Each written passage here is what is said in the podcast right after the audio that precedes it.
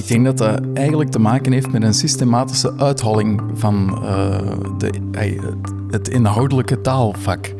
Uh, ik denk dat we taal meer en meer gaan zien zijn als een soort servicevak uh, in functie van andere vakken.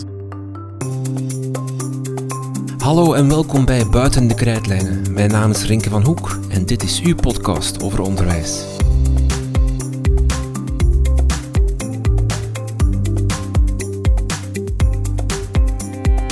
Er is reden om bezorgd te zijn over ons taalonderwijs. De leraar van bijna elke taal staat op het lijstje van knelpuntberoepen en door de krapte komen heel wat zijnstromers voor de klas te staan, alleen al omdat ze de taal spreken. De leerlingen die instromen in het hoger onderwijs zijn minder taalvaardig dan de generatie voordien en dat gevoel heerst eigenlijk ook over leerlingen die vanuit het basisonderwijs instromen in het secundair onderwijs. Bovendien zien we minder motivatie bij taalsterke leerlingen om voor een talenopleiding te kiezen. In het secundair onderwijs laten veel jongeren hun talen links liggen om zich in te zetten voor wiskunde of exacte wetenschappen. Vanuit deze bezorgdheden schreef het Vlaams Talenplatform een rapport met daarin bevindingen uit een bevraging van meer dan duizend taalleerkrachten uit het secundair onderwijs. Ik legde deze bevindingen voor aan drie gasten en ging met hen in discussie. Lieve is hoogleraar Engelse taalkunde, campusdecaan van de letterenfaculteit van de KU Leuven in Brussel en lid van de kerngroepen van het Vlaams Talenplatform. Ja, een van de problemen is natuurlijk dat er van um, een taalvak net heel erg veel verwacht wordt. En dat er heel veel moet in doen. En die verwachtingen zijn niet afgenomen. Karel van der Kruis is adjunct-directeur van het KNMC Groenentaal en is taalkundige en expert taaldidactiek. Maar we automatiseren onze kennis niet. En, en dat is een pijnpunt. Michiel Wils is ex-leerkracht Frans met negen jaar leservaring in het ASO, TSO en BSO en is sinds vorig jaar opleider en onderzoeker voor Excel, het expertisecentrum voor effectief leren van Thomas More. Uh, en wij moeten daar als taal tegenop boksen. En wat hebben wij als wapen? Een leerplan of eindtermen die volledig inhoudelijk uitgehold zijn, waarin dat eigenlijk alles wat een taal interessant maakt, uh, of bijna alles uit is gehaald. Hoe kunnen we het taalonderwijs redden? Kara, Lieve en Michiel zoeken het uit.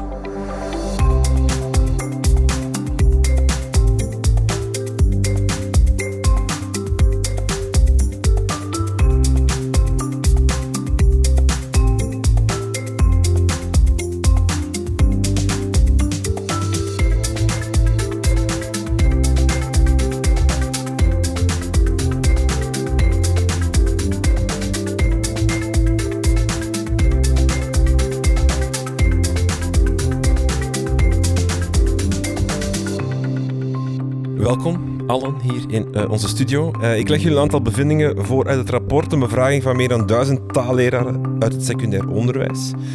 Uh, over wat eigenlijk wat beter kan of wat er, hoe dat gaat in, met ons taalonderwijs. een eerste bevinding die naar voren kwam uit de bevraging is het aantal taaluren moet omhoog in het curriculum. Zijn jullie het daarmee eens? Graag. uh, graag hoe meer taal, uh, hoe liever eigenlijk. Um, ik ben, ben gisteren toevallig nog eens een keer gaan kijken uh, hoe dat de taaluren geëvolueerd zijn doorheen de jaren. En we kunnen wel stellen dat het minder talen zijn geworden.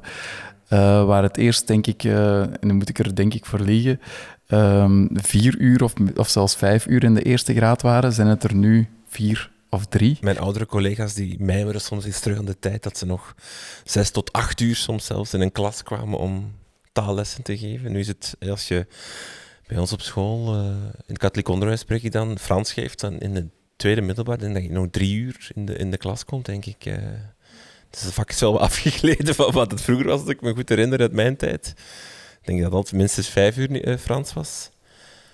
We hebben er als school ook voor gekozen om, om met de vrije uren daarin te schuiven, om, om daar nog een extra uur tegenaan te plakken. Ik denk dat de meeste scholen dat wel doen. En, en ik denk toch ook wel eigenlijk dat het, dat het al begint in de, in, in de basisschool, waar, waar taal gewoon ook, ook wel meer aandacht nog zou kunnen krijgen, denk ik. Ja, ja dus ook voor mij heel graag. Ja, een van de problemen is natuurlijk dat er van um, een taalvak net heel erg veel verwacht wordt en dat er heel veel moet in doen. En die verwachtingen zijn niet afgenomen. Maar je moet dus die leerlingen even ver krijgen als vroeger, met een even divers palet aan vaardigheden. Je moet hen diezelfde kennis nog kunnen meegeven. Uh, en blijkbaar moet het allemaal kunnen in veel minder uren. Wat verwacht je dan? Ja, dat er meer in zelfstudie wordt gedaan bijvoorbeeld, maar uiteraard kan dat niet voor leerlingen op dat niveau. Dat is gewoon onmogelijk. Um, dat is één vaststelling. Andere vaststelling is ook wel dat men misschien niet voor de vreemde taal, maar zeker voor Nederlands ook vaak de redenering hanteert. Ja, Nederlands is ook voor een deel ondersteunend en kun je ook waarmaken in andere vakken. Ook het idee van uh, elke leerkracht is een taalleerkracht. Ja, dat is natuurlijk niet zo. Elke leerkracht zou een um, taalbewuste leerkracht moeten zijn, maar geen taalleerkracht. Um, het is niet omdat je iets afweet van het menselijk lichaam dat je daarom ook, of omdat we allemaal een, bio, dat we allemaal uh, een lichaam hebben, dat we plots biologieleerkrachten kunnen worden. Het is niet omdat we allemaal taal spreken, dat we daarom ook allemaal uh, een taalleerkracht zouden zijn. Dus daar zijn een aantal misvattingen die ondertussen ook voor scheefgroeiingen zorgen. En het klopt dat um, scholen dat soms compenseren door een uur aan te kleven van de vrije uren. Maar dat zou natuurlijk niet zo mogen zijn, want zo creëer je ook uh, behoorlijk wat verschillen. En dan blijf je er natuurlijk van uitgaan dat met het minimumpakket aan uren, dat je er sowieso wel moet geraken. En alles wat je er bovenop doet, is er ook bovenop, is eigenlijk uitbreiding. Terwijl dat, uh, dat meestal, zelfs die uren nog niet eens volstaan om leerlingen uh, voldoende ver te kunnen krijgen. We zijn het erover eens dat er meer uren mogen zijn. Maar hoe komt het dat we zo dat die uren weg zijn gevallen? Hoe komt het dat we afgekleden zijn? Als we zeker in secundair is het bijna visueel duidelijk zichtbaar. Het aantal uren in de lesrooster is echt gewoon afgenomen. In, in, in het lager onderwijs is het minder met de vinger op. Maar ja, daar toont ook time on task uh, onderzoek aan dat ook voor andere onderdelen, maar ook voor taal er veel minder tijd aan, dat, aan die taak wordt, wordt toegewijd. Hoe, hoe komt dat? Ik denk dat dat eigenlijk te maken heeft met een systematische uitholling van uh, de, het inhoudelijke taalvak. Uh -huh. uh, ik denk dat we taal meer en meer gaan zien zijn als een soort servicevak. Uh, in functie van andere vakken, zoals dat Lieven gezegd heeft.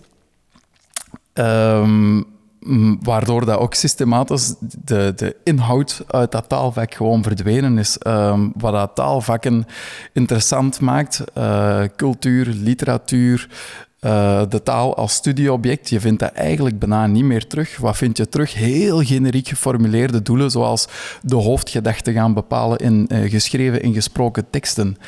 Uh, ja, oké, dat zijn heel mooie doelen. Uh, ik denk dat we het erover eens kunnen zijn dat wij allemaal willen dat onze leerlingen hoofdgedachten kunnen selecteren, dat ze kritisch gaan kunnen nadenken. Uh, heel mooie doelen.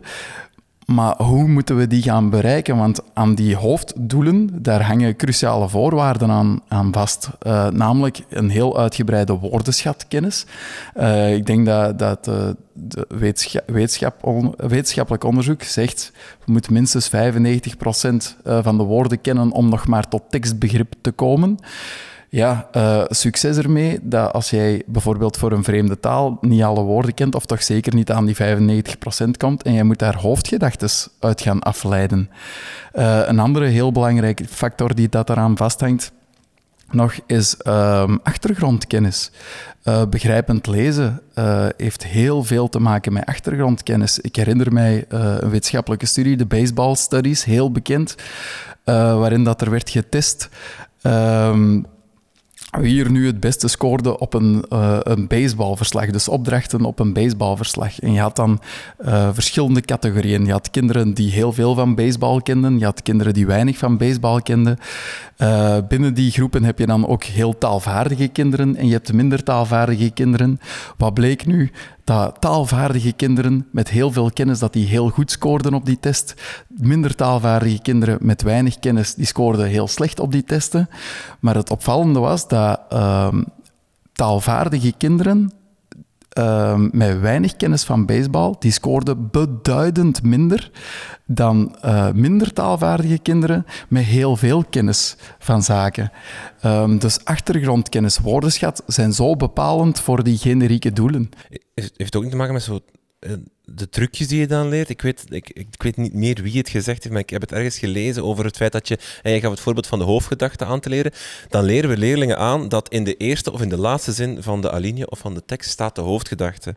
We leren dus een trucje aan om de hoofdgedachte te vinden, of om de belangrijkste zin te vinden in de tekst, maar niet om echt de hoofdgedachte te vinden. We, we, we, proberen het soort met een soort van ezelsbruggetje of trucje aan te leren. Is dat ook wat die ja. uitholling wat, wat faciliteert? Dat klopt zeker. En eigenlijk zou dat eerder omgekeerd moeten zijn. Want dat trucje zou je eerder op productieve vaardigheden moeten toepassen. Namelijk, waar plaats jij de hoofdgedachte om je tekst goed te structureren?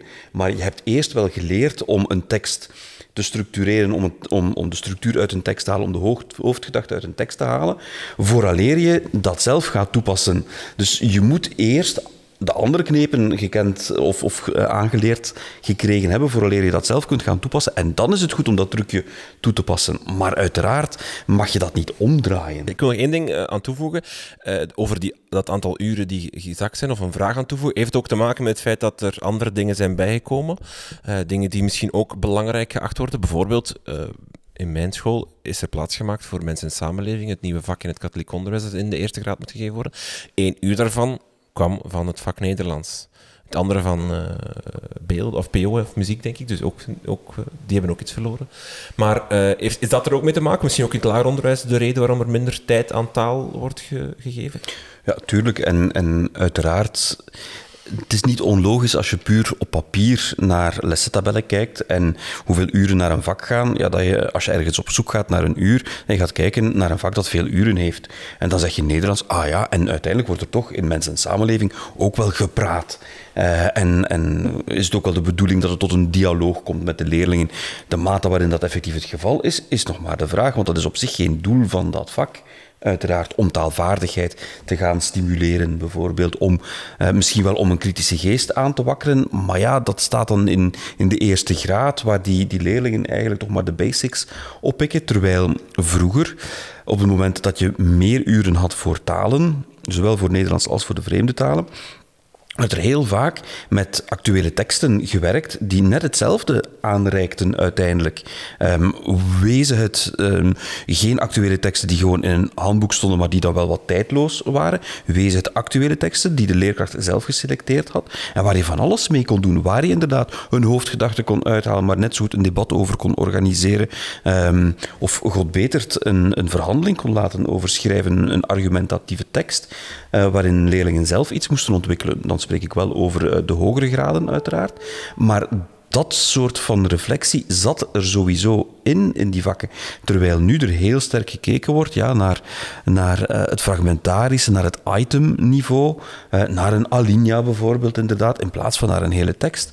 Als het gaat over begrijpend lezen, die tekst mag wel ergens overgaan, zou ik denken. En je kunt perfect geïntegreerd werken door daar... Je kunt daar grammatica aan koppelen, je kunt daar woordenschat aan koppelen, je kunt daar spelling aan koppelen, je kunt daar tekstbegrip aan koppelen, je kunt daar een, uh, een tekstproductie aan koppelen, je kunt daar uh, spreekvaardigheid aan koppelen, allemaal aan één tekst. Zelfs niet onbelangrijk, sorry. um, leesplezier.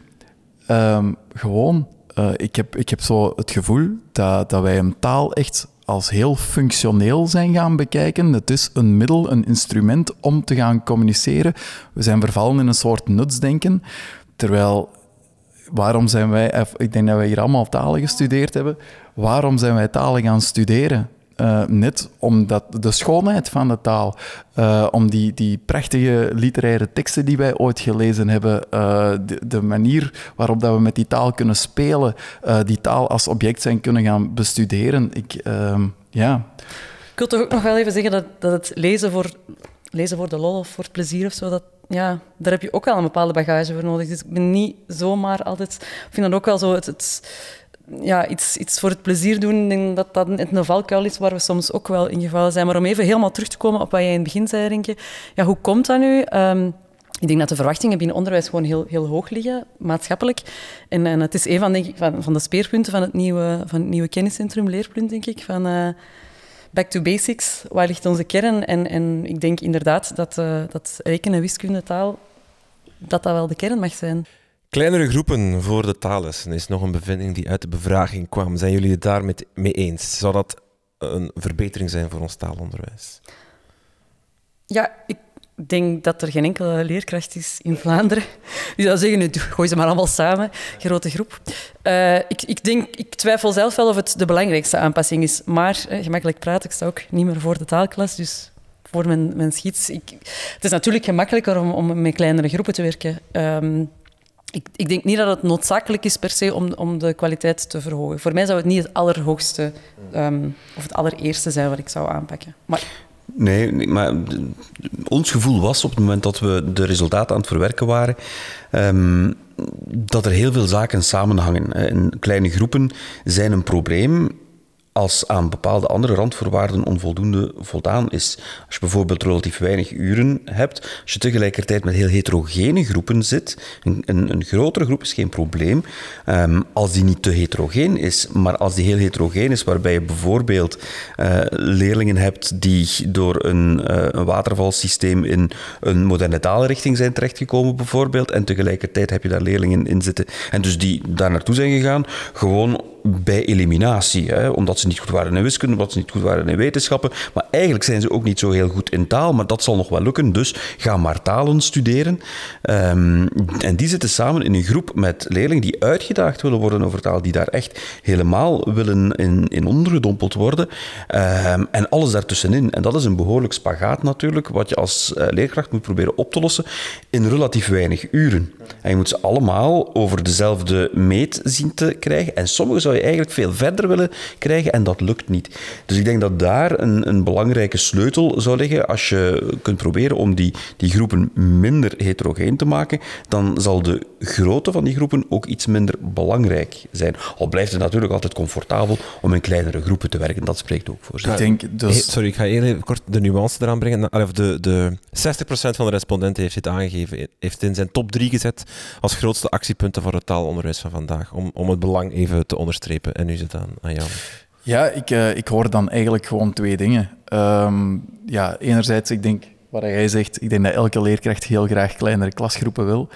Um, maar ik denk de, het grootste praktische bezwaar tegen die kleinere klassen is dat we dan meer leerkrachten nodig hebben. En laat dat nu net iets zijn leerkrachtentalen zijn niet echt dik gezaaid, denk ik. Uh, de laatste keer dat ik eens goed gekeken heb. Um, maar wat jij zegt, Lieven, is um, dat we ze eigenlijk gewoon beter moeten kunnen gaan ori oriënteren. Inderdaad. Ja, en dan denk ik um, dat we echt naar een opwaardering van de taalvakken moeten gaan. Want zoals dat jij zegt, uh, ik heb zelf lesgegeven in de moderne talen. Um, heel vaak, en ik zeg het zeker niet allemaal, ik had ook uh, heel veel goede, uh, gemotiveerde leerlingen voor de talen. Maar heel vaak zaten daar toch een heel aantal leerlingen in die gewoon kozen voor die richting omdat ze ja, tegen wiskunde kozen. Dus niet voor de talen, maar tegen wiskunde. Zelfs met een onvoldoende voor Frans in het vierde jaar uh, zaten ze toch in, in het vijfde jaar moderne talen, ja. Omdat de wiskunde nog slechter was. Omdat de wiskunde nog slechter en, was. En sterker nog, je zegt eh, dat zijn leerlingen die daarvoor kozen, maar in veel gevallen worden ze ook gewoon die richting letterlijk en figuurlijk uitgestuurd door uh, de klassenraad die dat zelf ook ziet hè, en, en die bijvoorbeeld zegt: Oké, um, um, bepaalde richtingen zijn voor jou nu uitgesloten, maar de talen kun je wel nog gaan doen. Ook een van de bevindingen van de bevraging is om de deliberaties voor taalvakken strenger te maken, om zo meer aandacht te genereren of, of andere resultaten vertellen tijdens klassenraden. Want de eenzijdige focus op wiskunde en wetenschappen tijdens de deliberaties stuurt leerlingen vaak gewoon naar uh, taalrichtingen omdat daar gewoon minder wiskunde is. En niet omdat ze graag taal doen of omdat ze goed zijn in taal. En het voedt ook de perceptie natuurlijk. En ja. ik denk dat het voedt ook de perceptie dat talen en talenonderwijs dat dat minder belangrijk is. Ja. Um, en, en dat je er wel zult doorgeraken. Uh, als je buis niet te zwaar is, dan lukt dat uiteindelijk wel. Het is, het is iets waar we als school echt wel op in hebben gezet. Hè. Ik, uh, ik ben zelf directielid in de derde graad, dus Eigenlijk, ja, we merkten dat inderdaad, dat watervalsysteem, um, leerlingen die, die, dan eigenlijk inderdaad in een economietaal terechtkomen, um, omdat ze niet naar een wetenschap, wiskunde, moderne talen, wetenschap of zo kunnen gaan. En um, als je daar gericht op inzet, dan werkt dat wel. Het systeem, inderdaad, via, via strengere deliberatiecriteria, ook gewoon inderdaad daar, daar aandacht voor hebben en echt vertrekken vanuit wat kan die leerling wel en daaruit durven oriënteren. Er, zijn nog altijd, er zijn leerlingen die nog altijd een keuze maken die niet ja, volgens het advies van de klasraad is. Ik uh, ben zelf ook wel um, voorzichtig in heel strenge um, uh, clausuleringen, omdat ik zelf altijd wel het voordeel van de twijfel wil kunnen geven aan, aan de leerling. Uh, maar het advies kan wel heel duidelijk zijn. En, en ik denk dat inderdaad de talenkeuze mee opnemen in de, in de advisering, dat dat heel belangrijk is. Nu, het was wel heel opvallend dat dit uit de enquête kwam, omdat we er niet naar gevraagd hebben. Dus het feit dat dit nu een bevinding is, dat leerkrachten vragen om meer aandacht te hebben voor goed studieadvies eh, bij klassenraden en, en, een doordachte beoordeling van eh, resultaten voor taalonderwijs, dat komt allemaal uit de vrije ruimte in eh, de vragenlijst. Dus dat wil zeggen dat het heel erg leeft onder die taalleerkrachten zelf en dat het dus een wijdverspreid probleem moet zijn op de een of andere manier. En dat er wellicht te weinig scholen zijn waar dat bespreekbaar wordt gemaakt of waar leerkrachten zelf het gevoel hebben dat ze het op tafel kunnen leggen of waar ze het gevoel hebben dat ze gehoord worden. Ik heb zelf, ik geef zelf in het tweede middelbaar, dat echt nog uh, ja, verergerd tussen aanhalingstekens sinds de modernisering, dat het alleen maar nog maar over wiskunde gaat. Zeker als je wil oriënteren naar ISO toe, dan gaat het eigenlijk over kan je goed wiskunde, dan zijn er heel veel opties. Kan je niet goed wiskunde, dan is het misschien moderne taal, als zit daar ook een sterke wiskundige component ja, in. Het het ook vier uur, of uh, humane wetenschap, wat, maar ook wel vier uur wiskunde en zeer zware wiskunde. En als dat niet gaat, dan gaat het over TSO en dan wordt het daar gekozen. Het gaat echt bij ons op de klasraden en in de gesprekken met ouders die ik voer, en nu ben ik echt volledig op, op eigen persoon aan echt alleen maar over wiskunde. Ik, denk ook dat uh, de heel oneerlijke uh, strijd met het, met het hele stemgebeuren, uh, dat wij daar met het taalonderwijs een beetje in de klappen vallen. ik denk dat we ehm, het stemonderwijs spreekt wat meer tot de verbeelding. Je hebt een paar gezichten uh, die, die, die dat stemonderwijs en heel dat stemgebeuren heel prominent naar buiten brengen.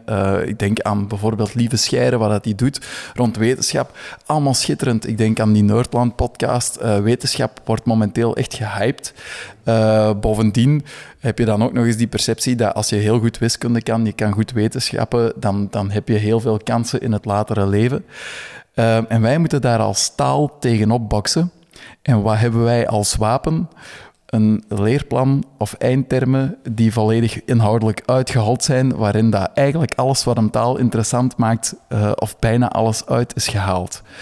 Um, ik denk dat we uh, de taal moeten opwaarderen. Allereerst is door naar het curriculum te kijken en er terug inhoud in te steken. Uh, wat maakt nu een taal boeiend? Hoe krijgen we taalvaardige leerlingen uh, voor zowel Nederlands als de vreemde talen? Uh, hoe zorgen wij ervoor dat uh, de taal terug als studieobject kan bestudeerd worden, omdat dat ook voor zeker de sterkere leerlingen heel boeiend kan zijn. Maar ook um, de literatuur, de taal als poort naar de wereld, de taal als eh, de, de deur naar de culturen die dat er allemaal zijn. Ongelooflijk boeiende wereld. Als we dat er terug meer in kunnen steken, werken met de inhoud van de taal, dan denk ik dat we wel met gelijke wapens kunnen strijden. Met het Vlaams Talenplatform werken we nu um, aan een talencampagne. Uh, niet noodzakelijk compleet vergelijkbaar met de stemcampagne, um, maar niettemin. We hebben daar ook middelen voor gekregen van de Vlaamse overheid. De bedoeling is om in het voorjaar uh, dat te lanceren en uh, in te zetten op heel veel van de zaken die je daar opnoemt. De bedoeling is om ons te richten op verschillende doelgroepen, zowel op leerlingen en hun ouders uiteraard, onrechtstreeks, als op leerkrachten, zowel de taalleerkrachten als de niet-taalleerkrachten als de directies en, en studiekeuzebegeleiders. Um, met het idee om, om aan te geven van kijk, wat, wat betekent nu zo'n talenstudie? Um, zowel in het secundair onderwijs als, als later. Uh, wat leert jou dat als mens? Uh, wat geeft jou dat mee als vaardigheden en kennis voor een latere studie of voor een later beroep? En ook dat is heel erg breed. Hè. Je hoeft niet noodzakelijk, uh, als je taal en letterkunde hebt gedaan, leerkracht te worden bijvoorbeeld, of schrijver. maar je kunt daar heel veel zaken mee doen. Dus dat soort van getuigenissen zou er ook in moeten komen. Maar tegelijkertijd willen we ook de, de richting moderne talen uh, onder de aandacht brengen. Dat, dat is nu een eenpolige richting, die is toegevoegd. Aanvankelijk enkel in de tweede graad. Met het talenplatform zijn we erin geslaagd om die uit te breiden ook naar de derde graad. Die start in de derde graad volgend schooljaar. En dat zien we ook als een, een soort van momentum dat we moeten gebruiken. Vooral ook omdat daar een aantal um, zaken in zitten die best wel interessant kunnen zijn voor wie echt wel talig geïnteresseerd is. Bijvoorbeeld uh, aandacht voor taaltechnologie, aandacht voor een vierde uh, vreemde taal. Ehm, aandacht meer voor, eh, voor literatuur bijvoorbeeld. Dat soort van zaken zit er allemaal in. Ehm, maar we zullen er wel moeten voor zorgen, het is niet omdat het conceptueel er in eerste instantie in zit, dat het ook waargemaakt wordt in de praktijk. We moeten ervoor zorgen dat het op het terrein, dat het ook effectief sterke richtingen worden, die ook als sterke richtingen worden gepercipieerd, in eerste instantie door de leerkrachten zelf. Ze moeten er zelf in geloven, dat waarmaken en er ook voor, voor vechten dat die perceptie meegenomen wordt in uh, studiekeuzeadvies dat gegeven wordt, bijvoorbeeld op infosessies. Infosessies die vaak gegeven worden door directieleden of door, door studiekeuzeadviseurs um, en die niet noodzakelijk eh, talen daar naar voren schuiven of die zelf niet goed weten wat het is. Dus daar ligt een, een opdracht, denk ik, voor heel veel mensen uh, om anderen te informeren, om influencers, de rechtstreekse influencers van uh, onze leerlingen, um, te, te gaan um, informeren. Ik wil daarbij aansluiten, want Michiel, ik vind dat we niet te gemakkelijk mogen zeggen van ja, het is door de eindtermen of door de leerplannen die te vaag zijn, dat we moeten het gewoon zelf doen persoonlijk als leerkracht vond ik het uh, heel ruime leerplan heel dankbaar. Ik was, er, ik was er super blij mee. Ik kon doen wat ik wou. Ik kon voldoende diepgang maken. Ik kon eigenlijk kun je met dat leerplan alles doen. Um, het is inderdaad, we moeten erover waken dat iedereen dan een aanbod krijgt dat, waar de lat hoog genoeg ligt. Hè. Daar, daar ga ik volledig mee akkoord.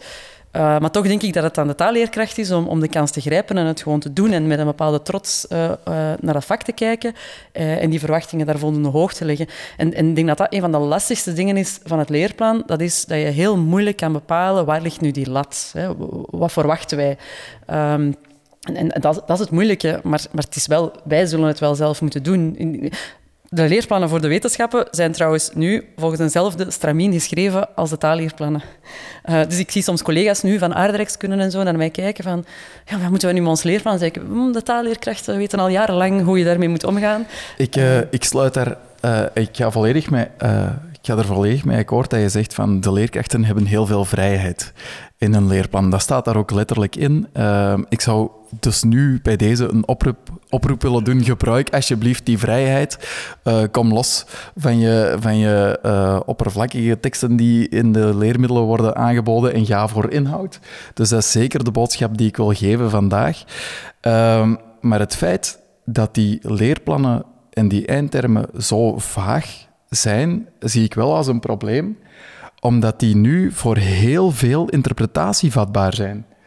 Um, ik denk dat uit het rapport ook gekomen ja. is dat... Um, de, de sommige... eindtermen, dus de meningen zijn wel verdeeld over de, of ze ambitieus zijn of als ze te moeilijk zijn. Ja. Daarover is verdeeldheid over, maar de respondenten vinden wel dat de eindtermen onvoldoende duidelijk zijn. Mijn hypothese is zelfs dat die verdeeldheid er is omdat leerkrachten die anders interpreteren. Uh, we zien dat, dat leerkrachten die al langer lesgeven, dat die die eindtermen als ambitieus zien.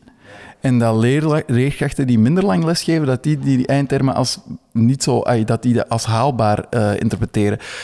Ik denk dat dat ergens komt van leerkrachten die al heel lang lesgeven. Die hebben zoiets van: wij weten uh, dat we vroeger precies meer konden bereiken met onze leerlingen. Die, die eindtermen, eh, die, die hoofdgedachten en zo, dat is eigenlijk iets heel moeilijk. Je moet daar heel veel voor weten. Um, dus die zijn heel ambitieus.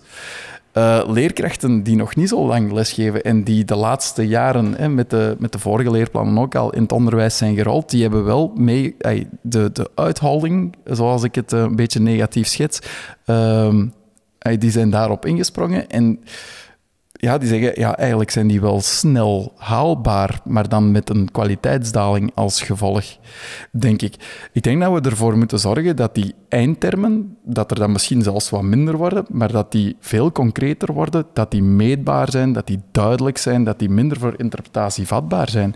Want nu is het zelfs zo dat inspecteurs onderling, want ik bezoek nu heel veel scholen, ik kom echt op enorm veel scholen vanuit mijn job, en uh, ik hoor op verschillende plaatsen en dat is geen verwijt naar inspectie of zo toe, maar dat uh, inspect inspecteurs onderling zeggen andere dingen, uh, pedagogische begeleiders onderling zeggen andere dingen, leerkrachten onderling zeggen andere dingen. Uh, ik vind dat een probleem. Uh, ik sprak onlangs met, een, met een lerarenopleider die zei van, ik, ik moet stagiaires opleiden. En ehm, voor dezelfde les bij leerkracht A krijgt hij de commentaar, dat was de perfecte les, schitterende les. Zelfde les bij leerkracht B wordt volledig afgebroken, want zou niet voldoen aan de leerplannen. is gewoon vanuit een andere interpretatie. Ik denk dat, ik denk dat daar echt een probleem zit. Dat, dat blijkt inderdaad, hè, zeker uit het rapport. Ehm, er zijn veel leerkrachten die, het, die de leerplannen, of in elk geval de, um, de eindtermen, onvoldoende duidelijk vinden. Die duidelijk ook vinden dat er meer informatie over gegeven moet worden. Ik denk dat het probleem is dat ze voor interpretatie vatbaar zijn, dat ze te vaag zijn. Het gaat heel vaak over vaardigheden. De bouwstenen zitten er niet in. En dat maakt al een probleem voor veel leerkrachten. En veel leerkrachten um, zeggen, ja, ik mag geen, um, geen woordenschat opvragen, bijvoorbeeld, op itemniveau. Dat moet allemaal geïntegreerd gebeuren, want dat moet allemaal communicatief. Want dat staat zo in de eindtermen. Maar dat staat zo niet in de eindtermen natuurlijk. Maar ofwel is dat een verhaal dat een eigen leven is gaan leiden, ofwel zijn er bepaalde inspecteurs die dat inderdaad als advies geven of als consigne geven. Uh, hetzelfde met pedagogisch begeleiders. De een zegt het een, de ander zegt het ander. Dat betekent dat daar een duidelijk probleem zit. Vandaar dat ik me helemaal aansluit bij de oproep van daarnet. Um, neem als leerkracht gewoon die vrijheid. Je moet ervoor zorgen dat je die eindtermen uiteindelijk behaalt. De manier waarop je dat doet, heb je toch nog in belangrijke mate zelf in handen. Uh, het probleem is voor een deel ook dat um, leerkrachten niet noodzakelijk zelf naar die eindtermen gaan kijken. Als je geluk hebt, gaan ze al kijken naar een leerplan, maar dat is al een interpretatie vanuit een bepaald perspectief um, van die leerplannen. Dat is in het beste geval. Uh, of een, een interpretatie tenminste van de eindtermen. Dat is in het beste geval. Maar in het andere geval nemen ze gewoon een handboek waarvan ze denken: dit voldoet aan leerplan en aan eindtermen. Maar ook dat is een interpretatie meestal ook een interpretatie die een beetje op veilig speelt of die dat nogal strikt interpreteert.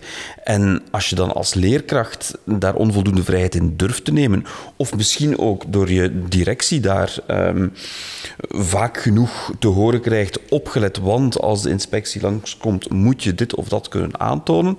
Um, terwijl je net zo goed als leerkracht um, sterk genoeg in je schoenen moet staan om te argumenteren waarom je doet wat je doet omdat je gewoon het beste voor hebt met je leerlingen, omdat dat een goede methode is die je wil hanteren, omdat er bepaalde vaardigheden zijn die je beter op een andere manier kunt uh, aanbrengen, omdat er bepaalde kennis is die ze eerst duidelijk moeten verwerven vooraleer je naar vaardigheden kunt uh, toewerken. Ja, dat lijkt me allemaal maar normaal. We zijn zo onzeker geworden over waarom we de dingen doen zoals we denken dat we ze zouden moeten doen of zo. Ik, ja, op een of andere manier tot die verantwoordings... Ja, klopt. De verantwoordingsdenken, uh, dat, dat stoort mij gigantisch. Dat wil niet zeggen, ik vind het heel belangrijk dat mensen nadenken over waarom ga ik dat doen, maar het is zo altijd van, want als ze mij komen controleren, ja, ja. dan... Is iets heel raar, klopt, het is echt super herkenbaar. Uh, maar heel raar, want, en, want, en dat wordt zo persoonlijk gepakt als leerkracht, of een leerkracht dat niet zeggen, terwijl inspecties nooit op persoon con, uh, controleren, altijd op, op vakgroep nee. of op schoolniveau. Dat is, blijft heel raar, vind ik. Heb Zo, ik had zo als leerkracht ook nooit het gevoel van nu ben ik het goed aan het doen. Dit is nu hoe, hey, dit is zoals dat ze het willen. Uh, nu maar dat is toch wat je jezelf aanpraat? Ja, de, maar ik denk ook door, door, cowboy, door cowboy-verhalen misschien van, van andere scholen, andere leerkrachten. Maar ik denk dat de, het fundament van, van, die, van dat gevoel is de vaagheid en de interpretatie van die, van die te behalen. Dat is ook gewoon te weinig lef als leerkracht. ja. Misschien wel. Maar ik zou als leerkracht echt ik, want we hebben een werkboek geschreven op basis van de leerplandoelen, maar van sommige leerplandoelen kan ik echt geen idee. Geef een voorbeeld, geef een voorbeeld. Ja, ik heb ze nu niet bij mij, maar het gaat heel vaak over echt vage, heel generieke, brede dingen die leerlingen moeten doen. Terwijl ik, ik zou wel heel, ik zou het heel handig vinden, moest er gewoon staan, de leerling kan dit en dit, punt. En wat, hoe ik dat aanbreng, dat is mijn autonomie en mijn vrijheid. maar je gaat al heel vinden. snel richting kanon, hè? Nu, ja, je... maar ik, ik, ik, ik, ik, zie daar het slechte niet van. Maar, ja. Allee, kanon gaat over... Ja, dat is, ja maar, ja, maar we... de leerling kan een tekst in socio-historische context plaatsen. Bijvoorbeeld. Ja, ik kan dat met eender welke tekst doen. Maar we weten ondertussen, bijvoorbeeld voor vreemde talen toch, dat um, bijvoorbeeld woordenschatfrequentie Um, als we inzetten op zoveel uh, duizend frequentste woorden, dan kunnen we al heel veel teksten gaan lezen. Als we die dan, hè, die frequente woorden, we leggen die voor een bepaald uh, aantal woorden vast. Van kijk, als jij uit de eerste graad komt, dan is het eigenlijk de bedoeling dat je die woorden toch minimum zou moeten kennen, productief en receptief. Uh, we leggen dat voor een bepaald percentage vast. En daarnaast, hè, de thema's die dat jij wil behandelen, wil jij nog extra woordenschat zien? Vind jij andere onderwerpen nog interessant? Allemaal goed en wel. Jij kan kiezen, je kan erop inspelen. Kies de onderwerpen die jij tof vindt. Maar zorg er wel voor dat die woordenschat tenminste gekend moet zijn, omdat die jou heel hard gaat helpen in de komende jaren. En die kan dan sequentieel uitgebreid worden. Je kan gewoon, je weet, als ze bij mij binnenkomen in een derde jaar, dan weet ik, ze kennen die woorden, dus ik kan daarop verder bouwen en ik kan die gaan herhalen, uitbreiden, woorden, eh, collocaties gaan aanbieden, spreekwoorden. Je kan die taal gewoon gaan uitbreiden. Akkoord. maar... gaan, gaan, gaan. nee, nee. Ja, ik, ik, heb, um, ik, heb, ik heb zelf ooit uh, Russisch gegeven, Russisch aan anderstaligen. Dat is een beetje vreemd in de, in de context anno 2022. Ja. Hè, maar uh, uh, voor, een, voor een taal als Russisch, trouwens Engels ook, is dat inderdaad... Je hebt daar... Um, er zijn echt... Russisch of Engels voor anderstaligen wordt redelijk kwantitatief bepaald. Hè. Inderdaad, minimum zoveel woorden, die en die grammaticale items. Voor het Nederlands is dat trouwens veel minder beschikbaar. Hè. Als ik mij afvraag, leerlingen in een derde graad uh, Nederlands, um, academische woordenschat bijvoorbeeld, zoek, er zijn 50 verschillende lijsten academisch Nederlands en de welke is nu de goede of de juiste, of wat moeten ze kennen. Dus we hebben inderdaad, ik denk, als het gaat over het Nederlands, denk ik dat we bepaalde middelen niet hebben die wel bestaan voor andere talen. Uh, en inderdaad, als het gaat over de vreemde talen, dan denk ik dat we inderdaad ons meer zouden kunnen enten op bestaande systemen die er al zijn. Hè. Bijvoorbeeld voor het Engels of het Frans, waar uh, effectief uh, die niveaubepaling er wel meer is en die het wat kwantitatiever zou maken. Toch, toch is een taal moeilijk te benaderen vanuit kwantitatief standpunt. Hè? Want dan eigenlijk heb je net in het begin helemaal gezegd van ja, maar door het zo te gaan bekijken, door te gaan... gaan het, als je dat kan, dan kan je een taal. Nee, dat is niet waar. Je moet net die brede wereldkennis hebben. Je moet, het, is, het is zoveel meer dan dat. Maar ik snap wel dat je een soort van basisniveau wil waarop dat je dat wil kunnen. Ja, nee, dat is exact waar ik naartoe wil. Um, ik, vind, ik vind de vrijheid van de leerkracht belangrijk. En ik vind ook belangrijk dat de, de leerkracht uh, zijn inhouden, die dat, waar dat hem zelf gepassioneerd voor is, dat hij die, die kan kiezen. Maar er zijn wel een aantal basis zaken die onder de knie moeten geraken om met die taal aan de slag te gaan. En ik vind dat we daar ook op moeten werken. Het komt er eigenlijk ook gewoon op neer. Woordenschat heb je sowieso. Hè. Je, moet sowieso uh, woordenschat meekrijgen als leerling. Alleen lijkt daar nu een soort van willekeur in te zitten, afhankelijk van de teksten die je kiest. En daar moet je dan zogezegd alle woorden van kennen, of dat nu een relevant woord is of niet. Ik ken een, handboek Frans bijvoorbeeld, waar dan plots het woord um, in, van tweede uh, middelbaar, uh, waar dan plots het woord korhoen in voorkomt. Ik ken het beest nog niet eens in het Nederlands, wat zou ik het dan gaan kennen in het Frans? Laat staan dat ik zou verwachten dat iemand van de eerste graad van het middelbaar onderwijs dat in het Frans zou kennen. Ik wil nog niet eens dat hij dat, of die mag dat kennen in het Nederlands, maar dat hoeft hij ook helemaal niet. Dus het gaat hem er eerder om, denk ik, dat als je dat soort van... Um, basisinformatie ook gewoon ter beschikking zou kunnen stellen van, uh, van leerkrachten. Van kijk, um, die, die lijsten die bestaan, dat is niet zo moeilijk. End je daarop datgene wat je doet, datgene wat je meegeeft aan je, aan je leerlingen. Dat is belangrijk dat je daaruit put. Maar nog belangrijker misschien, want um, makkelijker om die, die leerkrachten te bereiken uh, via de uitgeverijen. Want heel veel uitgeverijen maken daar gewoon random selecties. En dat, dat is een groot deel van het probleem. Maar ik zie, Karen, dat je niet per se de, oplossing ziet in, in concretere of, of specifiekere of, of eindtermen of leerplandoelstellingen. Voor die woordenlijst zou je dat inderdaad kunnen doen, maar... maar... Jawel, ik geloof er wel in, omdat ik denk dat, uh, dat bepaalde uh, kennis um, of de kennisbagage ertoe zal leiden dat, de, dat de, basiskennis, gewoon de bredere basiskennis aanwezig zal zijn, waardoor dat je inderdaad gemakkelijker kan, kan, kan gaan doorbouwen.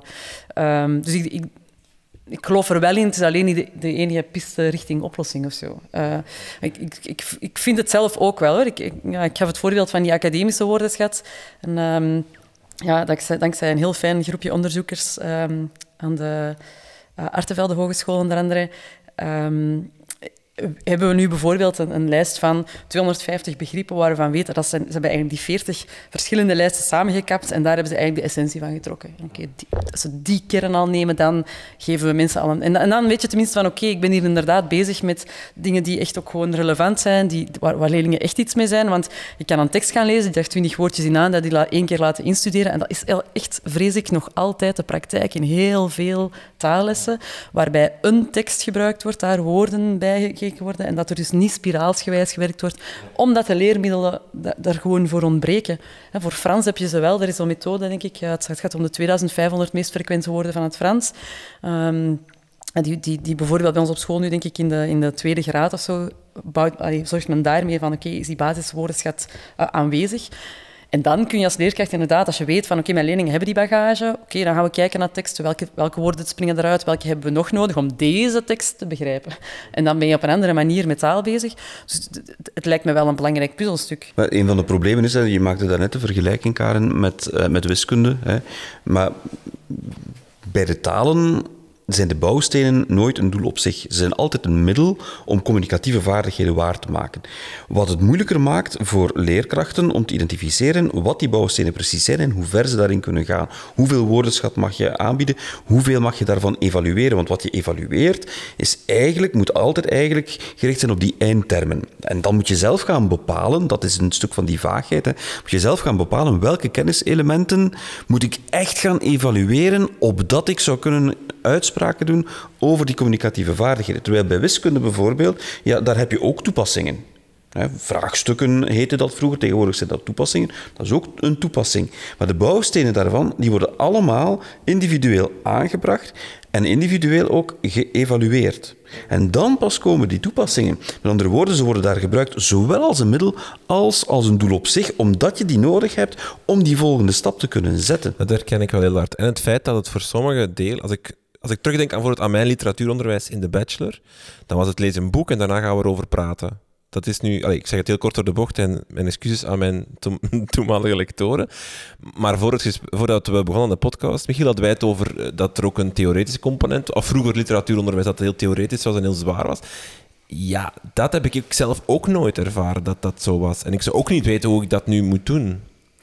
Dus je ervaart de eigen bagage die je hebt meegekregen rond literatuur te ervaringsgericht en te weinig uh, theoretisch onderbouwd. En vooral, we springen direct naar de communicatievorm of naar het, naar het soort van maar het, het, de vaardigheid dan. Of, uh, Ik denk ook wel bijvoorbeeld, want als je dan spreekt over in de hogere jaren, bij de masters, is dat wel een stuk anders. Ik denk dat het ook niet zo abnormaal is voor literatuur bijvoorbeeld, dat er in een eerste of een tweede graad nog op die manier uh, zo is. Maar bijvoorbeeld over nog... teksten zou je dat, kan, kan ik dat ook wel zeggen. Ik vind het heel moeilijk om grote staat volgens mij in de leerplannen dat er, je hebt dan basis en verdieping. En de verdieping is vaak een moeilijkere tekst, wordt er dan eigenlijk van ja, gemaakt. En wat is een moeilijkere tekst? Maar wat is een moeilijkere tekst? En wanneer zit je over dat niveau? En hoe bepaal je dat? Hoe leer je aan om de hoofdgedachte aan te leren? Als je niet mag zeggen, als je niet het trucje mag geven om de eerste en de laatste zin te lezen. Dat zijn zo heel dingen ja, dat waar, ja. waar, dat je, waar dat ik denk dat in de...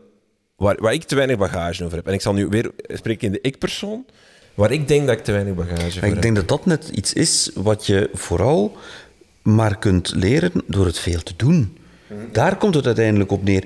Nu krijg je één tekst of een stuk van een tekst en daar moet je dan de hoofdgedachte uithalen en hup, we gaan weer door naar het volgende.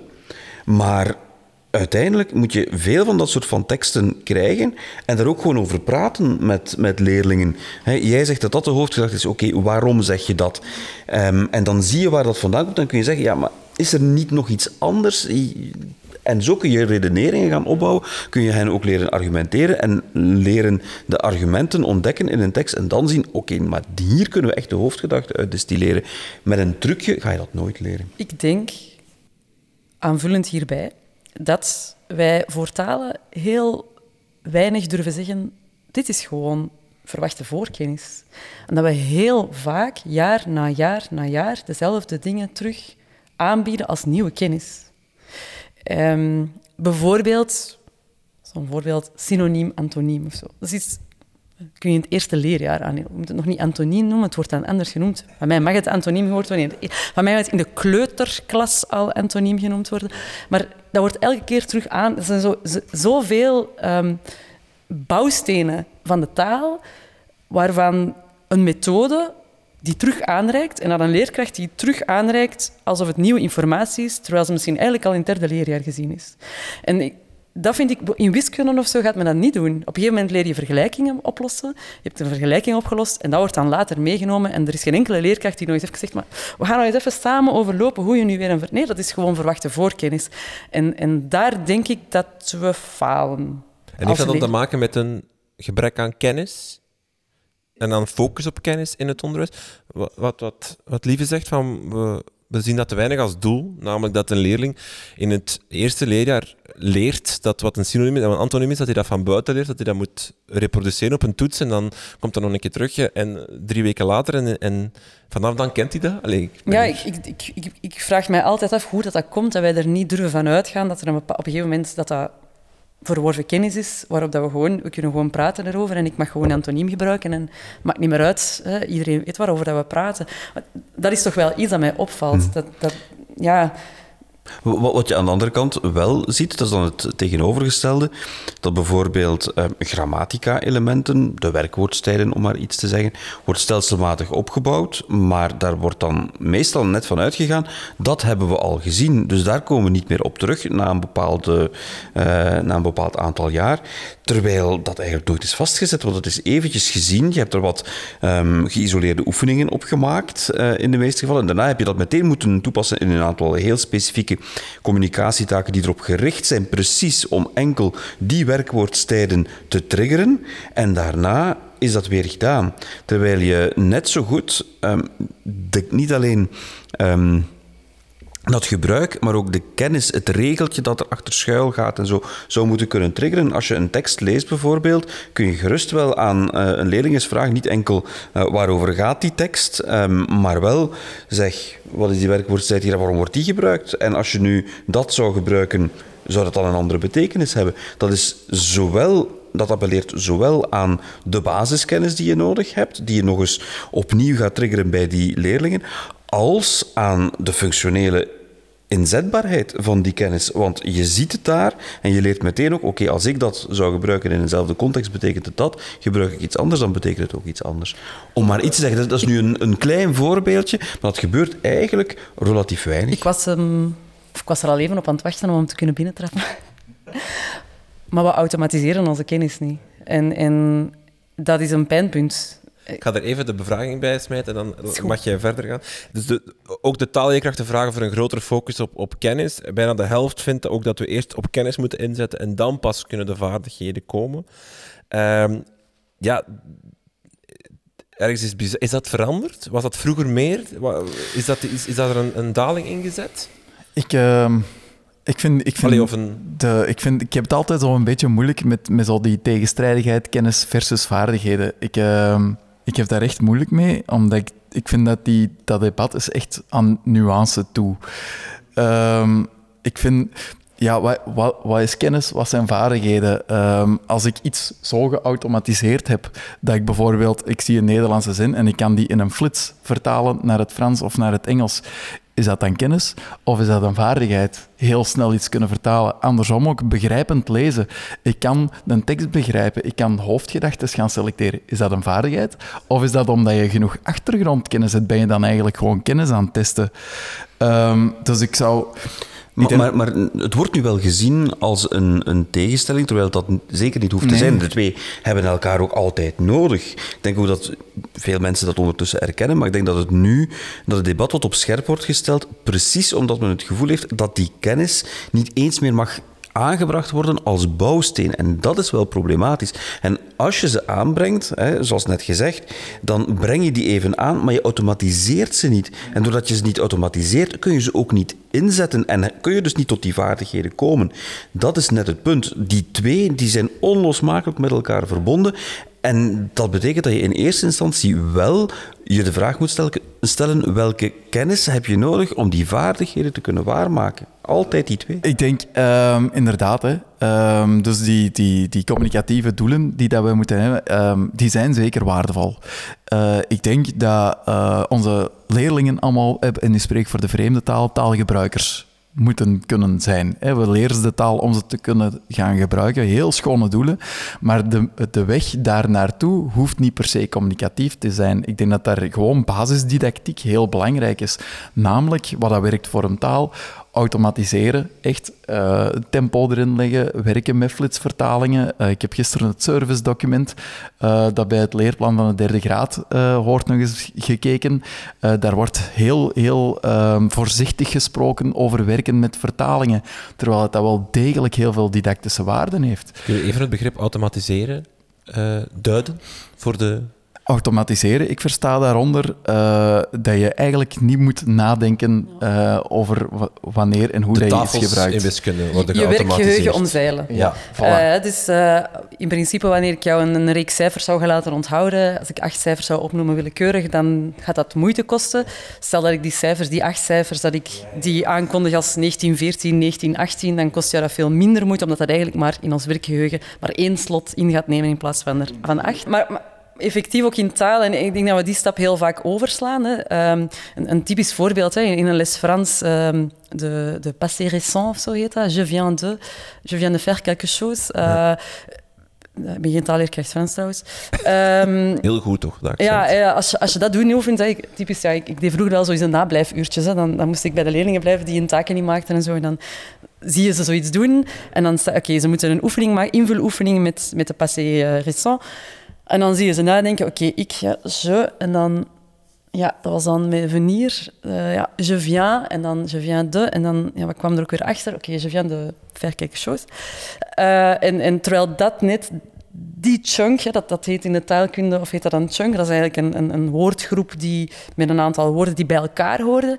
Uh, dat, dat kan een, een collocatie zijn, maar dat kan ook gewoon een bepaalde grammaticale constructie zijn die, die vaak voorkomt. Dat heel gericht trainen tot je niet meer 1 plus 1 plus 1 plus 1 doet, maar gewoon dat allemaal samen hebt, dat is automatiseren. En dat hebben we nodig. Uh, en, en wat zie je heel vaak bij, bij productie? Leerlingen schrijven Nederlandse teksten. Ze weten misschien wel hoe je een werkwoord vervoegt. Maar op het moment dat ze een tekst moeten schrijven waar ook een inhoud aan verbonden is, ze moeten een, een boekverslag schrijven of ze moeten iets... Ja, dan zijn ze bezig met de inhoud van dat boekverslag. Of wanneer ze moeten een antwoord formuleren op een test voor een ander vak, biologie of zo, dan zegt die leerkracht, ja, die leerling kan geen Nederlands schrijven. Jawel, maar die is bezig met de inhoud van jouw vak en niet meer met de spelling van dat werkwoord. Dat zou eigenlijk geautomatiseerd moeten worden in het vierde leerjaar, zeg maar iets. Um, en, en, doordat we dat veel te weinig doen, omdat er denk ik een bepaalde angst is ontstaan rond kennis, hè, dus die kennis, we mogen die niet aanreiken, laat staan dat we ze zouden gaan drillen, hè, dat woord drillen. Uh, maar door, om te automatiseren moet je op een bepaalde manier wel gaan, gaan drillen. Want dat gaat bijna niet meer over, er wordt geen kennis meer gegeven, maar er wordt geen kennis meer geoefend. Als in, ik weet nog de tafels van, de tafels van wiskunde, dat, dat werd echt gedrild. Dat was met bordjes en, en, en op de bank gaan staan. En dan, als je het niet meer wist, moest je gaan zitten. En, dan, en dat werd honderdduizend keer herhaald. En nu nog steeds, 2 x 2 is 4. Allee, de, allee, dat is niet wel de ja. gemakkelijkste van allemaal. Klopt, maar ik, ik kan maar zeggen, die zitten er wel in voor de rest van mijn leven. Ik denk dat dat wel een beetje op de achtergrond is verdwenen de laatste decennia misschien zelfs.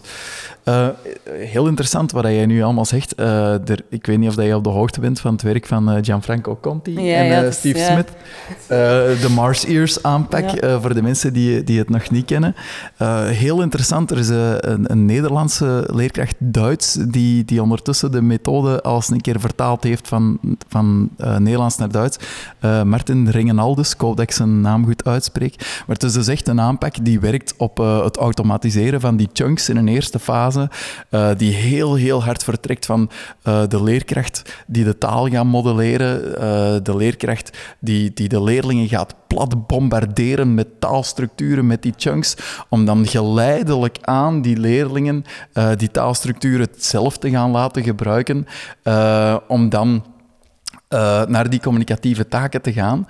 Maar de aanpak is er uh, uh, wat dat de aanpak ook heel effectief maakt, is dat er ook een hele systematische, uh, sequentiële aanpak in zit. Dus je start bijvoorbeeld een, een, een, een, een handboek. Een handboek start bijvoorbeeld met jezelf voorstellen.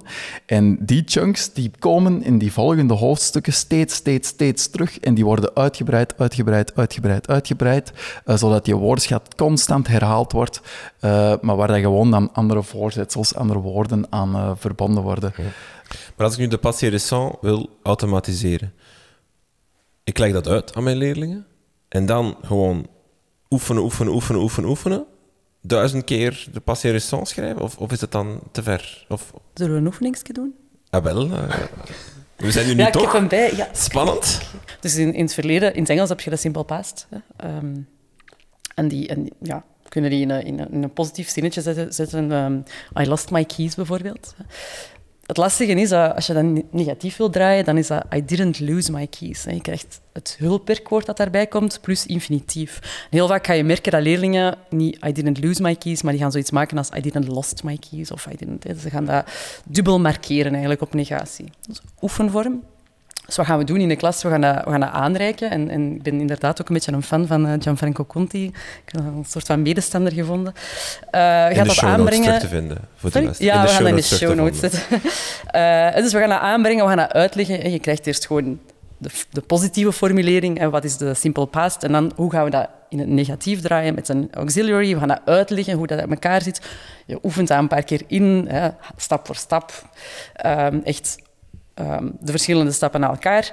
En dan ga je dat inderdaad op tempo inoefenen. En ehm, het belangrijke is dat je dan oefenvormen kiest die eh, een voldoende snelheid kunnen hebben eh, en die erop focussen dat je dat werkgeheugen gaat omzeilen. Dus eh, ik, heb, ik heb iets meegebracht. Hè. Ik, had het zo een keer- ik weet niet of je het gaat kunnen lezen. Hè. Dus eh, ja, voilà. Ik, heb, eh, ik heb hier een, eh, een slideje bij. Ik zal hem ook voor de... Het is, het is echt... eh, het is heel In de show notes ook. In de show notes komt hij, ja. Dus ik weet niet of je hem kan lezen. Ja. Dus ik heb hier zevental ehm, voor, eh, zinnetjes staan, positief geformuleerd. I lost my keys, I had a strange feeling, I went to the movies, I felt okay. Allemaal simple past, eh, positief geformuleerd. Nu, de doelconstructie is belangrijk dat je dus gaat nadenken, wat is de doelconstructie? De doelconstructie is een negatieve formulering, met name I didn't lose my keys, I didn't have a strange feeling, I didn't go to the movies. Eh, wat er gaat gebeuren is, ik ga dit projecteren in een klas. Ik ga twee leerlingen, zoals hier, ik weet niet juist wie ik, eh, wie ik mag uitnodigen. Ik ga twee leerlingen naar voren eh, roepen in de klas. En, eh, en dit is wat ik projecteer. Eh, de zinnetjes staan ook nog op een gekleurde achtergrond. En dat is een beetje voor mij bedoeld om, om... Dat is een beetje een afleidingsmanoeuvre, maar dat gaat ervoor zorgen... Straks ga ik ze voorlezen in een willekeurige vol- volgorde. En dan kan je... Jij gaat de juiste volgorde moeten ehm, eh, na, naapen dan maar. En je kan dan de kleurtjes gebruiken om een... ehm, dus het doel is dat je nadien op snelheid mij herhaalt. Hier zie jij staan een zinnetje dat jou helpt, maar de doelconstructie ga je van mij horen. En jij gaat die doelconstructie herhaaldelijk juist moeten eh, herhalen, in de juiste volgorde, zoals ik ze gezegd heb. Maak je een fout in de volgorde of in de vorm, dan gaat de beurt naar mijn medeleerling, die terug van helemaal de eerste zin gaat moeten beginnen. Het eindresultaat zou moeten zijn dat iemand aan een hoog tempo dezelfde constructie, die die niet letterlijk ziet staan, maar die die toch op een hoge snelheid moet gaan reconstrueren, dat hij die herhaaldelijk juist gaat formuleren. Dus de positieve zinnen blijven staan. De positieve zinnen blijven staan. Jij gaat de negatieve zinnen Ja. zeggen. Ik herhaal ze. Als ik fout ben, Ja. is dat Michiel. Oké. Gaan we ervoor? Ja, ik ben, ik ben wel gestresseerd, maar oké. Okay. I didn't ring the doorbell twice. I didn't go to the movies. I didn't lose my keys. I didn't feel okay. I didn't meet anyone interesting.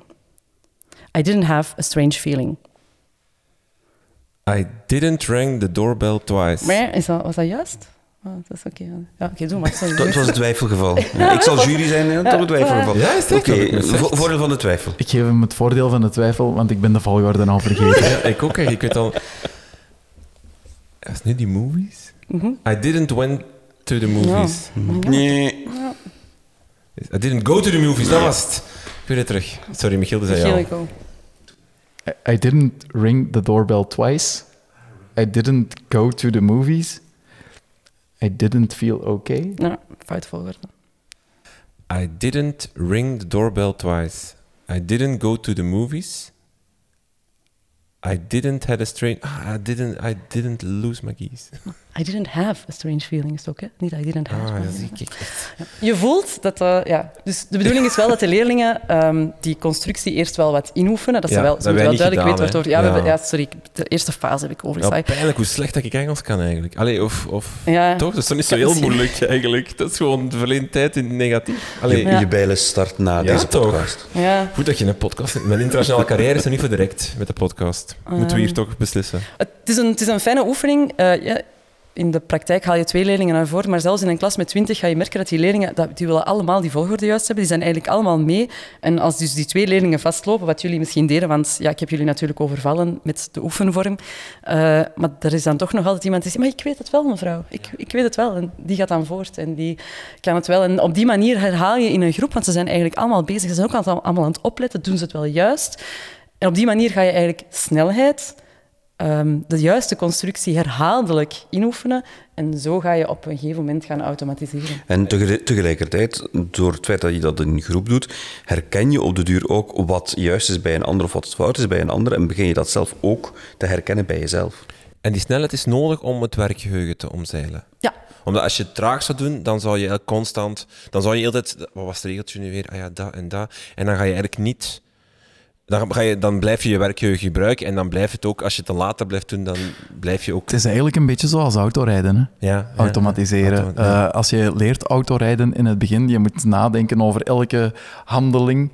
Uh, schakelen, eh, waar staan mijn pinkers? oh nee, het regent, mijn ruitenwissers. Als ik daar constant over moet nadenken, dan kan ik niet bezig zijn met wat er op de weg gebeurt, bijvoorbeeld. Uh, maar als al die zaken geautomatiseerd zijn, uh, dan uh, soms maak je het wel eens mee dat je met de auto aan het rijden bent, dat je in één keer thuis aankomt en dat je eigenlijk zelfs niet meer weet hoe dat je er geraakt bent, omdat alles zo geautomatiseerd was.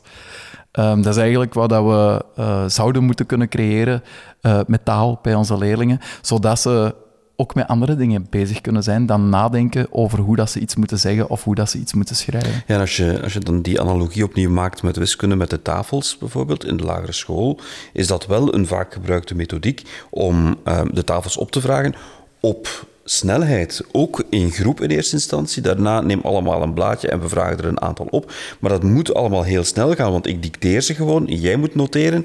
En dan komt het volgende, al heb je niet genoteerd, dan ben je niet meer mee. Dat is eigenlijk iets wat we net zo goed zouden moeten kunnen blijven doen met bijvoorbeeld de onregelmatige werkwoorden, om maar iets te zeggen, want die leren we ook wel vaak uit het hoofd. Dat is iets wat wel nog gevraagd wordt om uit het hoofd te leren. Um, maar we leren dat in kolommetjes en we leren dus verschillende vormen uh, horizontaal naast elkaar, maar je hebt er telkens maar eentje nodig. En wat je dan soms moet doen, als je die paas-participle nodig hebt, ja, dan moet je er eerst twee voorbij vooraleer je aan die derde komt. Dus dat moet je ook gaan afleren op de duur. Um, en dat is ook alleen maar op die manier, door dat te oefenen. En iedereen heeft invuloefeningetjes op basis kennis in zijn handboek staan. Dus bijvoorbeeld inderdaad een, een basisoefening op avoir of eiteren. Doe dat een keer op snelheid en, en, en um, ja. wat daar. Um, de tip die ik ook altijd geef bij uh, in, invuloefeningen is, uh, hou het nooit bij de invuloefening. Hè? Dus als de oefening ingevuld is, ga er dan nog eens een keer op terug en, en maak die vertaling eens, uh, dek eens een keer af en werk met die flitsvertalingen. Um, dus gebruik die invuloefeningen nog twee of drie keer uh, nadat je ze gewoon hebt ingevuld. Want als het louter bij het invullen van een oefening uh, blijft, dan heeft de leerling gewoon geleerd hoe hij een woord moet invullen in een zin. En ja, zo leer je natuurlijk ook geen taal. Er is ook een voordeel voor de leerkracht. Er wordt wel eens gezegd dat taalleerkrachten heel vaak uh, heel zware verbeterlast hebben, heel zware voorbereiding. Want ja, inderdaad, je wil ook niet altijd dezelfde tekst gebruiken. En volgend schooljaar, ja, je wil af en toe ook wel actuele teksten en, nieuwe dingen. En, en, we maken het onszelf daar soms denk ik wel moeilijk. Um, maar bijvoorbeeld hè, de, de, de methodiek hè, die hier door Michiel wordt aangehaald, um, daar wordt eigenlijk heel sterk van uitgegaan, neem een tekst en recycleer die tekst twintig keer. Um, en gebruik die een keer als invuloefening, gebruik die een keer om een andere oefening mee te doen. Maar dezelfde tekst heb een hele leuke werkvorm, ook nog in de klas, is je hebt een kort tekstje, iets dat je in het nieuws gezien hebt en je denkt, oké, mijn leerling gaat dat wel interessant vinden, één slide. En je zet daar een vertaling naast en je zet in die vertaling drie fouten. Zoek de drie fouten. Dan ga je eigenlijk op snelheid werken, want ze moeten heel snel dingen gaan herkennen. Maar datzelfde tekstje, je kunt er ook gewoon een, een, een tekst in de, in, doeltaal nog eens naast zetten en daar nog drie verschillen. Zoek de drie verschillen. Waar zitten de verschillen? En, en vertaal die verschillen een keer naar het Nederlands. Dus we, we, zijn zo vaak heel bezig met nieuwe dingen uitvinden en zoeken, terwijl ik denk dat er heel veel winst te halen valt uit eenzelfde tekstmateriaal hergebruiken en die woorden hergebruiken en die constructies hergebruiken. Een laatste voorbeeld van een oefening die, die ik toch ook wel wil, wil aanhalen is, dat is eigenlijk een inoefening van de internal voice. Hè, dus de inwendige stem die we eigenlijk heel weinig trainen als taalleerkracht. Um, en die heel belangrijk is om, om een taal te verwerven. Dus je projecteert als leerkracht een, een tekst uh, uh, op het scherm. Dat kan een heel korte tekst zijn, een krantenartikeltje. En, uh, en je laat een leerling dat voorlezen. En dan projecteer je diezelfde tekst en je haalt daar drie woorden uit weg. En je laat een andere leerling die tekst voorlezen en die moet die drie woorden, ze moeten die woorden onthouden hebben. En eigenlijk kun je dat zo ver duwen totdat die een tekst, totdat er misschien nog maar vijf begrippen staan. En die leerlingen moeten die een tekst reconstrueren. En dat dat niet 100% exact hetzelfde is, maar ze moeten komen tot tekstproductie gesproken. En dan ben je ook aan het automatiseren. Dan, ben je, dan is echt je brein volop aan het werken. Ze zijn allemaal bezig met die inwendige stem, want ze zijn allemaal aan het denken, ach, wat stond er nu ook weer op dat bord en welk, welk woord was het? En dan ben je aan het leren. Oké. Dank jullie wel voor jullie input. Ik heb als taalleerkracht heel veel geleerd. Misschien nog één vraag is, we hebben heel veel dingen gezegd. Hoe, hoe gaan we geraken? Hoe gaan we, hoe gaan we aan een beter taalonderwijs geraken? We hebben een rapport dat, dat eh, bevindingen brengt van, van bij bevraging van leerkrachten, dat ook aanbevelingen doet. Hè. Dus het hele rapport vind je in de, in de show notes ook van deze podcast. Eh, eh, Karia zei al van, het begint misschien bij de leerkracht, die moet misschien gewoon meer lef tonen en, en, en meer ambitie tonen. het begint misschien bij betere eindtermen. Waar, welke, wie moet er recht staan? Iedereen. Daar komt het eigenlijk op neer. Hè. Het, het, is, een, het is zo'n probleem en je kunt het analyseren zoveel je wilt. Um, waar je heel vaak dan op uitkomt is dat, het, dat je zoveel problemen op één stapel gooit. En het zijn echt allemaal problemen dat je denkt, die stapel is te hoog, hoe gaan we daar ooit aan beginnen?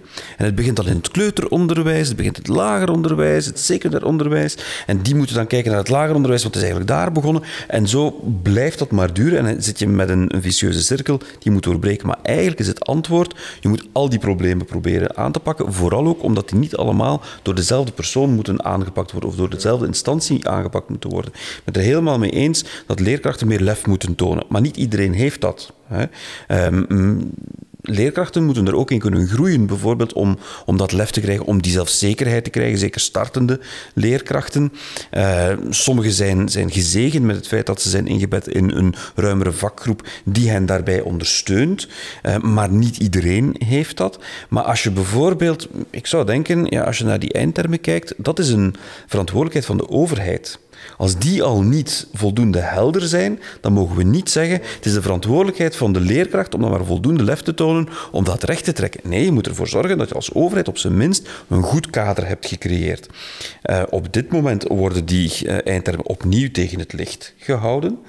Uh, en dreigt een beetje het gevaar dat, dat die verder gaan verwateren, dat die misschien nog minder duidelijk gaan worden, omdat die voorheen te uitgebreid werden bevonden. Dus je dreigt dat er veel geëvacueerd zal worden naar leerplannen, maar die verschillen van koepel tot koepel, waardoor je weer ongelijkheid krijgt van school tot school, um, waardoor de lat niet overal even hoog meer ligt. En dan is de vraag, waar ligt de lat uiteindelijk wel nog? Wel, als die leerplannen, of als die, die eindtermen...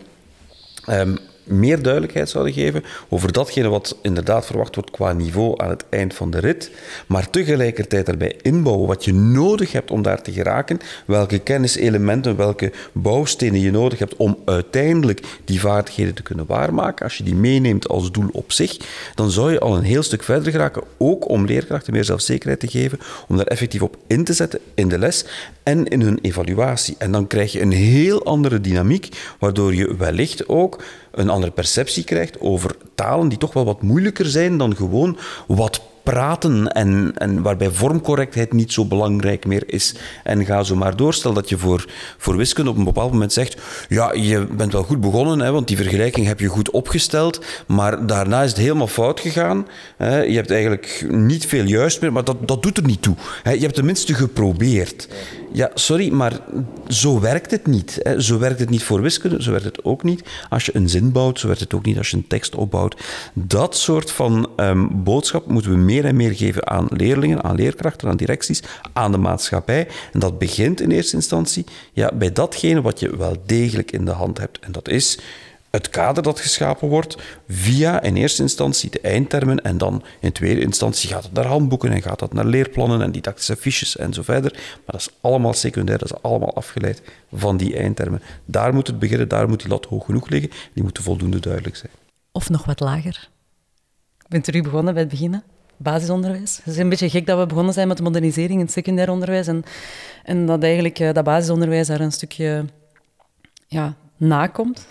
Uh, maar toch denk ik dat daar ook gewoon uh, een belangrijk fundament ligt. absoluut, maar laten we dit dan ook uh, als een katalysator gebruiken. Hè. Als je ervoor zorgt dat je de lat hoog genoeg legt in het secundair onderwijs, dan zal het lager onderwijs zich er wel moeten op richten. Nu is het omgekeerd uh, geweest de afgelopen jaren. Hè. Leerkrachten zien dat uh, leerlingen minder kunnen als ze in het secundair onderwijs aankomen, waardoor ze ook minder gaan verwachten. En op de duur krijg je daar een race to the bottom. Terwijl je net omgekeerd ook kunt werken. Als je de lat hoog genoeg legt, laat liggen in het hoger onderwijs laag, hoog genoeg laat liggen in het secundair onderwijs, dan zal ook het lagere niveau van het lager onderwijs ook wel die lat weer gaan verhogen. Ik hoop dat ik daar niet naïef in ben. Oké. Okay. Uh, lieve Buis en Michiel Wils en Karen van der Kruis, heel veel dank voor dit gesprek. Met plezier. Graag gedaan. Heel graag gedaan.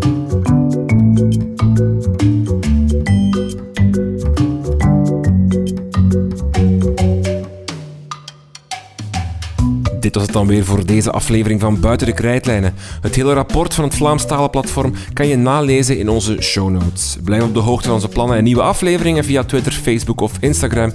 Een lijst van al onze voorgaande afleveringen vind je op www.dekrijtlijnen.be. Dank voor het luisteren en tot de volgende.